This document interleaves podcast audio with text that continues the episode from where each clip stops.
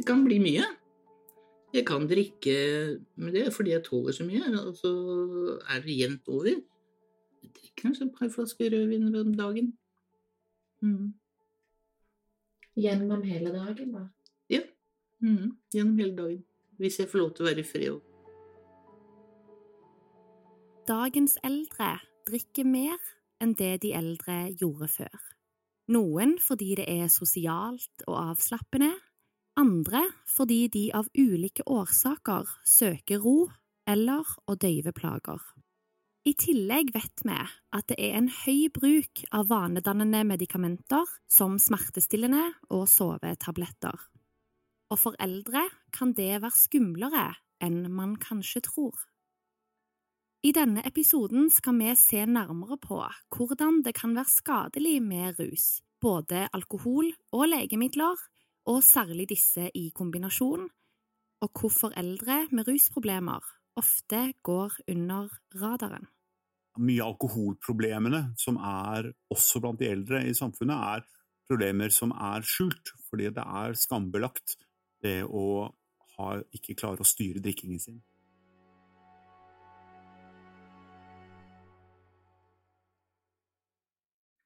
Ja, jeg er roer meg med alkohol. Det gjør jeg. Selv om jeg egentlig ikke liker det så godt, så bruker jeg det. Mm. Det er den uroen jeg har. Manglende konsentrasjon og uro. Marit har levd et langt liv med udiagnostisert ADHD og bipolar lidelse. For henne har alkohol vært en slags selvmedisinering. Det er det det er, for jeg har ikke noe, jeg blir veldig, veldig fort lei av det. Jeg har ikke noe spesielt glede av eh, Når jeg bruker all rødvin, så er det To glass er hyggelig, men resten har jeg ikke noe glede av. Men jeg gjør det. Mm. For mange, som for Marit, kan alkoholbruk handle om å dempe psykiske problemer. Det er mange grunner til at vi drikker. For noen er det nytelse i festlig lag, for andre et avhengighetsproblem de ikke blir kvitt.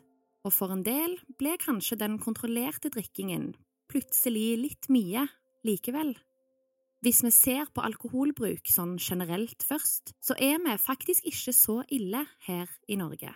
Altså, Norge har en alkoholbruk som i internasjonal sammenheng er ganske moderat. Dette gjenspeiler seg også blant de eldre, ved at det heller ikke blant dem er mye bruk. Jørgen Bramnes er seniorforsker ved Folkehelseinstituttet og har i mange år forska på hvordan vi bruker rus og legemidler. Og bare for å gjøre det klart, eldre drikker mindre og drikker seg sjeldnere til beruselse enn yngre aldersgrupper. Bramnes sier at mange slutter, eller i hvert fall nedskalerer, drikkingen når de blir eldre, og en ganske stor andel av de eldste drikker ikke i det hele tatt. Men så er det et par ting med de eldre som ikke får like hederlig omtale. Det er at eldre drikker oftere Altså, de drikker, eh, har flere drikkeanledninger. Hvis du ser på den gjennomsnittlige forbruket, så ligger det på en for, for andre voksne kanskje på en 30-40 eh, drikkeanledninger i året, og så stiger det til 60-70 når man kommer inn i, inn i, inn i senior. Men da fordeler vi også på de som ikke drikker. sånn at det er en del som drikker i hvert fall to ganger i uka, og kanskje oftere enn det også, kanskje en god del flere som drikker daglig. Selv om du da ikke drikker seg til beruselse, så er det sånn jevnt alkoholinntak. Ehm, det er liksom det ene som vi legger merke til ved de eldre. Og så med den bakgrunnskunnskapen vi har om at de drikker mindre, og det er flere av oss folk, så ser vi allikevel at endringen over tid har vært eh, størst blant de eldre. Sånn at til tross for at det er de som drikker minst, så ser vi at økningen har vært størst blant de eldre. Vi har gått fra å være ekstremt lavt nå bare blir litt lavt. Eh, så, sånn sett så er det en utvikling som peker i retning av vi kanskje ser et annet scenario etter hvert. Altså. Så tror jeg det henger sammen med flere ting, med hvordan det er å være eldre. Altså uh, hva det er å være eldre. Man er, kommer ut av jobb, så det er ikke så stor forskjell på hverdag og helg lenger. Man, man, har anledning til å, å ta seg et glass vin. Og så er det jo forbundet med det gode liv, i anførselstegn, det der å, å kunne ta seg Eh, et glass vin. Alkohol inngår i den pakka som er liksom eh, Nå skal vi nyte vårt otium, nå, nå skal de de, gamle, de, de dagene på, vår, på vårt eldre liv, de skal bli bra. Det finnes mange måter og nivåer å bruke alkohol på. Forskerne beskriver vanene våre på følgende måte.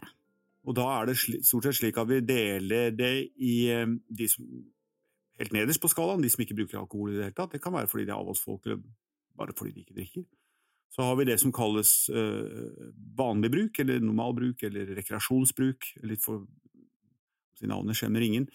Uh, hvor man bruker alkohol uh, og har kontroll over det, men og ikke har noen problemer knyttet til det. Og så har man de som kommer, og så, så På den andre enden av skalaen så finner man jo det som er avhengighet, og det som er det som vi i gamle dager kalte misbruk, men som vi kaller skadebruk i dag, som er hakket under avhengighet. Hvor man drikker selv om man får negative helsekonsekvenser av det. Det er skade, definisjonen av skadebruk. Avhengighet er jo når det begynner å ta over deler av livet som det egentlig ikke skulle ta over. Men mellom der den rekreasjonsbruken og anførselstegn sunne bruken og denne skadelige bruken, så har vi noe som vi kaller risikofylt alkoholbruk. Litt udefinerbart, men eh, en eh, alkoholbruk som er noe mer enn man skulle ønske seg. Bramnes vil ikke slå på alarmbjellene når det gjelder risikofylt bruk i den store gruppen eldre. Ifølge han er det 3–5% i befolkningen som drikker på en måte som, ut ifra et medisinsk ståsted, anses som risikofylt.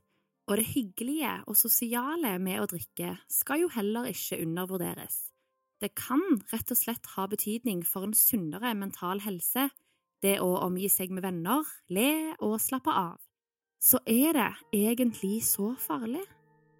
Skulle ikke få lov, få lov til å holde på som de vil. Og i mange henseender så syns jeg jo det. Nå jo jeg den, har jo litt den rollen da, at jeg er lege og medisiner og, og er opptatt av de negative ting, sidene ting. Uh, jeg skal ikke ta fra folk at det kan være koselig og hyggelig, ha god signaleffekt, det kan heve humøret, det kan dempe angsten osv og drikke litt. Men, men, det er en rekke ulike psykiske og somatiske sykdommer som følger i, i kjølvannet av det å drikke. De som har forsøkt å lage lister over sånn, sier at ja, det er mer enn 200 ulike sykdommer eh, som, eh, hvor, hvor, hvor alkoholbruk er en medvirkende årsak, en risikofaktor. Folkehelseinstituttet er altså opptatt av at vi skal være klar over hvilke risikofaktorer som følger med alkohol, i alle aldre. Og det gjelder alle, ikke bare de som drikker så mye at det er direkte farlig. Den risikoen starter ikke ved et visst nivå, den begynner med null, så øker risikoen. Eh, ikke dramatisk, i begynnelsen nesten ikke i det hele tatt, men hvis du skal være helt sikker på å ikke få noen negative virkninger av alkohol, vel, så er den eneste sikre måten å ikke drikke alkohol. Uten, som igjen sagt, Jeg skal ikke være noen mørkemann som sier at folk skal la være å drikke, men de må akseptere at når de gjør når de inntar alkohol, så innebærer det en, en viss risiko for, for, ulike sykdommer. Aldring gjør at kroppen tar opp og bryter ned alkohol på en annen måte enn hos yngre. Selv et lavt alkoholinntak kan føre til sykdommer og fallskader. Og selvsagt, jo mer de drikker, jo større er risiko. Men det kan være alle mulige slags ting, altså kreftformer, eh, hjerte-karsykdommer, demens, eh, eh, mage-tarmsykdommer av ulike slag. Selvsagt så øker det risikoen for at man skal falle, pådra seg brudd. Og på den psykiske siden så er det slik at det kan øke angstlidelser, for depresjonslidelser, ja, og hvis man drikker hardt nok og lenge nok, også for psykoser og, og mer alvorlige sinnslidelser. Og hvis du virkelig har et alvorlig avhengighetsproblem over tid, er det en annen skummel faktor man må vite om. Og det er jo den triste enden av dette her, da, at gjennomsnittlig levealder for de som har en alkoholavhengighet, er opptil 20% lavere, 20 år lavere enn det det er for resten av befolkningen. Så det er mange av de som har alvorlige alkoholproblemer som ikke når høy alder.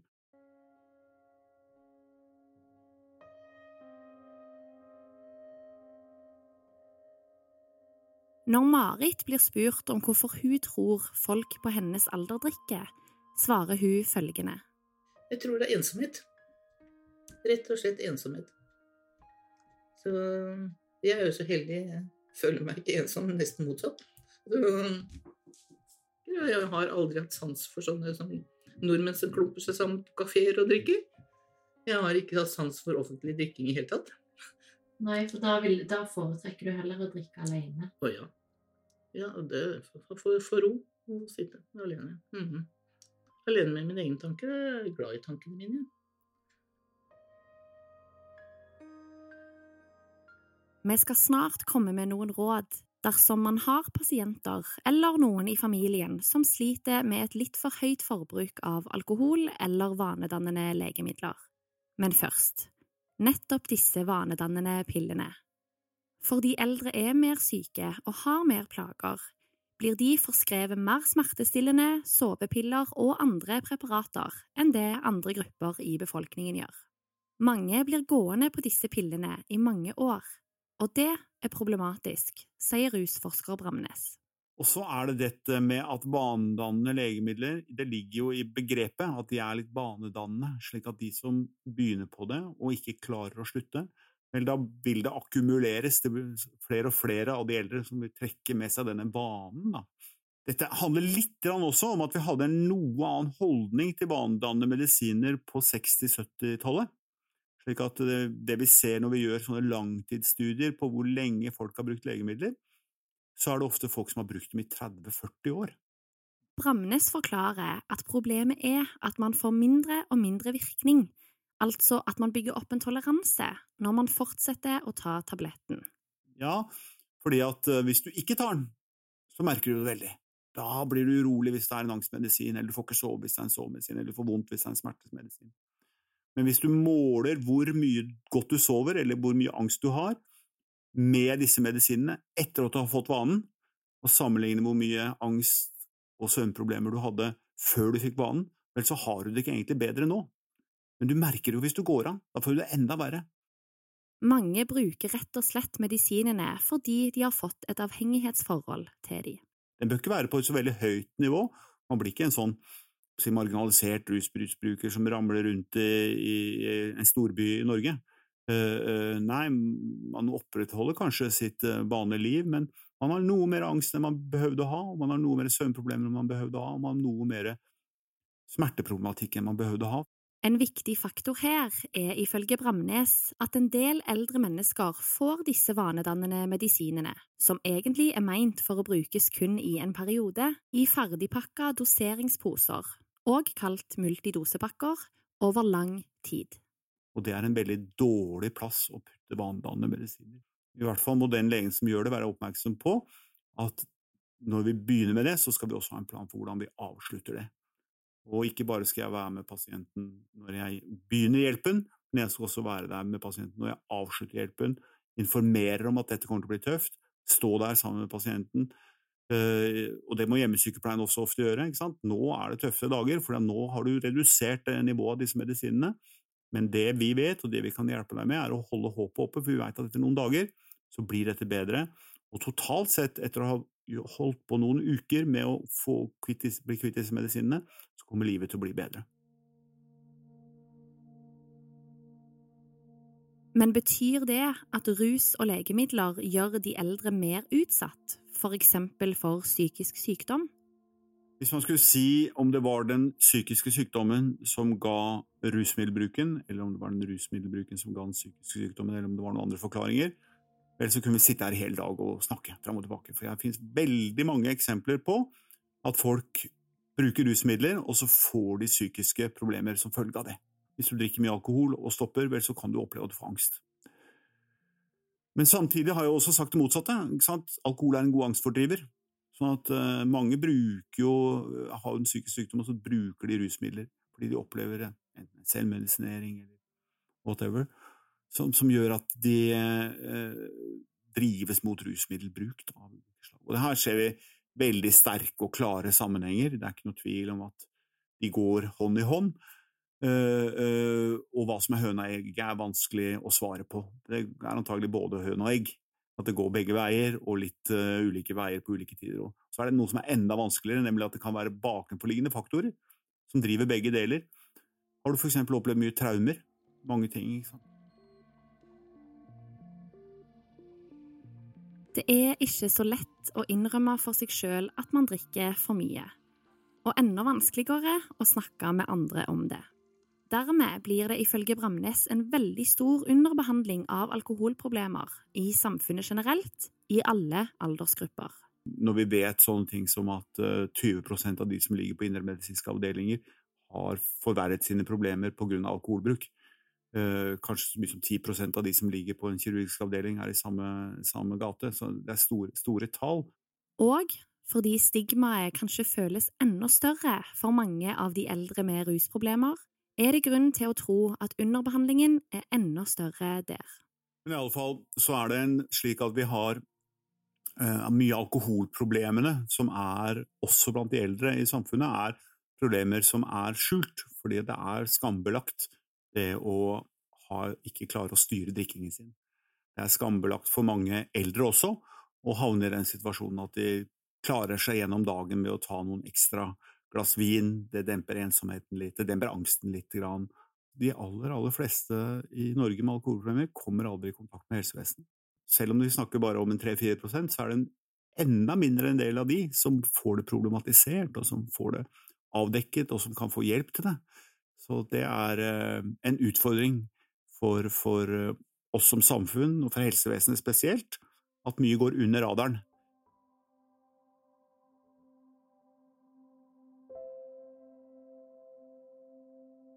Det er mange ting, både store og små, som kan føre til at overgangen fra et normalt forhold til alkohol glir over i et mer usunt. Ensomhet, store smerter, tap av partner eller at partner blir alvorlig syk, alt dette er ting som kan spille inn. Vi ville gjerne snakke med flere eldre i denne podkasten om deres utfordringer med rus, men det var ikke så lett å få noen til å snakke åpent om det. La oss likevel høre et beskrivende eksempel fra virkeligheten. Eksempelet er gjenfortalt fra læreboken Psykiske sykdommer hos eldre, en bok for helse- og omsorgspersonell. Kari er 74 år og bor sammen med mannen sin Johan, som har Alzheimers sykdom. Hun er glad i god mat og drikke, og koser seg gjerne med et glass vin, enten alene eller sammen med andre. Det siste året har det blitt litt mer kanskje sju–åtte glass i uka. Men glassene gjør godt, det døyver smertene og bekymringene hun har. Kari bruker også sovemedisin, og noen kvelder tar hun tabletten sammen med et glass vin. Da sovner hun enda lettere. Selv om mannen Johan får hjelp fra hjemmetjenesten og i tillegg har dagaktivitetstilbud to ganger i uka, så syns Kari at omsorgsjobben hjemme er ganske tung. Hun er ofte engstelig for framtiden og føler seg litt nedfor. Personell fra hjemmetjenesten begynner å legge merke til at Kari ikke har det helt bra. Noen ganger når de kommer, har hun ikke klart å stå opp ennå. De synes hun virker sliten og mer irritabel enn før, og de har også lagt merke til flere vinkartonger på kjøkkenet. Leder og primærkontakten til Johan i hjemmetjenesten bestemmer seg for å invitere Kari til en pårørendesamtale. Der forteller de henne at de har sett at hun virker sliten, og at de er litt bekymra. De lurer på om hun får nok hvile og tid til egne behov. Kari bekrefter at hun sliter med søvnen. Hun får spørsmål om hun tar noe for det. Hun innrømmer at hun tar en sovetablett og gjerne et glass vin, men at hun ofte føler seg like sliten dagen etter. Kari blir så oppfordra til å ta en prat med fastlegen om situasjonen sin. Fastlegen gir Kari mer informasjon om alkohol og legemidler at man som eldre tåler mindre mengder alkohol enn yngre, og om at det er uheldig å blande alkohol og sovemedisin. Hun får noen enkle råd om hvordan hun kan drikke litt mindre, og legen formidler kontakt med psykisk helsevern i kommunen, der Kari får tilbud om en samtale. I dette eksempelet ser man hvordan man lykkes med å nå fram til Kari uten å bruke en formanende pekefinger. Og nettopp dette er noe av det viktigste man gjør, sier Jørgen Bramnes. Målet for en god helsearbeider må altså være å ta samtalen og være spørrende og lyttende uten å gi vedkommende en moralpreken. Og man kan fortsatt, fortsette å prate om det og anerkjenne pasientens eh, rett til å ta sine egne valg, eh, og, og, og, og sørge for å ikke være moralistisk, for det merker du ganske fort eh, som helsearbeider nå var samtalen slutt på dette området, dette vil jeg ikke snakke mer om. Da er mitt råd respekter den grensen. Kan hende at hvis du respekterer den denne gangen, eller neste gang, eller gangen etter der, så kommer du i en posisjon hvor du til slutt kan ha en betydning for denne pasienten. Slik at her er det interesse og empati og respekt som er viktige eh, stikkord for hvordan nærme seg dette problemet. Målet er å ikke fordømme pasienten, for eksempel ved et fall, sånn at terskelen er lav for å kontakte hjelpetjenesten, og når man har vært berusa og hatt uhell som følge av det. Jeg har eh, hørt om flere eldre som har blitt liggende altfor lenge på gulvet fordi de skammer seg skikkelig over at de har ramla i fylla. Eh, og den fylla kan jo komme på et helt annet tidspunkt. De kan jo tenke at jeg tåler jo to glass vin. Og så når de ligger der etter å ha ramla og ikke kommer opp, så tenker de at oi, nå lukter det alkohol. Han mener man skal være svært forsiktig med å fortelle folk hva de skal og ikke skal gjøre. Det er heller ikke alt man skal gjøre noe med, og den det gjelder må sjøl være motivert til å endre på vaner og livsstil. Hvis du som helsearbeider kommer i den situasjonen at du, du tenker at um, jeg må snakke med denne pasienten om legemiddelbruk, alkoholbruk eller psykiske problemer så må du møte disse pasientene med en eh, åpen, spørrende og ikke-fordømmende holdning. Det er viktig å vise respekt for folks valg, det er viktig å vise empati for folk, folks følelser, og, og, det er ingenting som er så lett som å heve den moralske pekefingeren. Folk er så følsomme overfor det. Folk, liksom, folk har blitt fortalt så mange ganger hva de skal og ikke skal gjøre, så det har de helt framme i hjernebarken. Så det, du må være alternativet til det. Du må være den som ikke kommer med det greiene der, men sier at uh, Bare snakker om det, og hører hva folk vil sjøl. Uh, eh, og så kan endringen komme innenfra personen. Råd du som helsearbeider og pårørende kan gi, er for eksempel om hva personen drikker, og unngå blandingsbruk med piller, ikke kjøre bil, osv. Bramnes foreslår for eksempel å i en samtale legge frem alternativer for bruken av rus, og samtidig trygge den gamle på at en vil få hjelp, uansett om han eller hun er berusa eller ikke. Når vi nå har sagt det jeg har sagt nå om hvor følsomt dette området er, da, så, så, kan man kanskje få til en bedre samtale ved å si Fins det noen mulighet for at du kunne fordele alkoholen over flere dager? Ikke kjøpe pappvin, så du har mer kontroll på, på hvor mye du inntar. Uh, kanskje du skal ha edle dråper framfor mange dråper. Uh, uh, kanskje um, du ikke skal drikke så mye når du er aleine, men heller hvis du hadde noen å være sammen med, sånn at noen kunne ringe hvis du ramla. Marit er klar over sitt høye alkoholforbruk, og tenker mye på at det kan være skadelig. Hun er opptatt av å bevare en god helse, men mener enn så lenge at hennes kropp tåler alkoholen. Ja, ja. ja selvsagt. For så lenge jeg lever, så skal jeg ha best mulig helse. Altså, vi har et ansvar for familien. Sånn. Kan ikke, de kan ikke drasse med en sånn derre eh, syk gammel mor. altså, jeg mener, altså, jeg mener, det hørtes slemt ut, altså, men, men eh, jeg vil jo være positivt for dem, ikke en hemsko.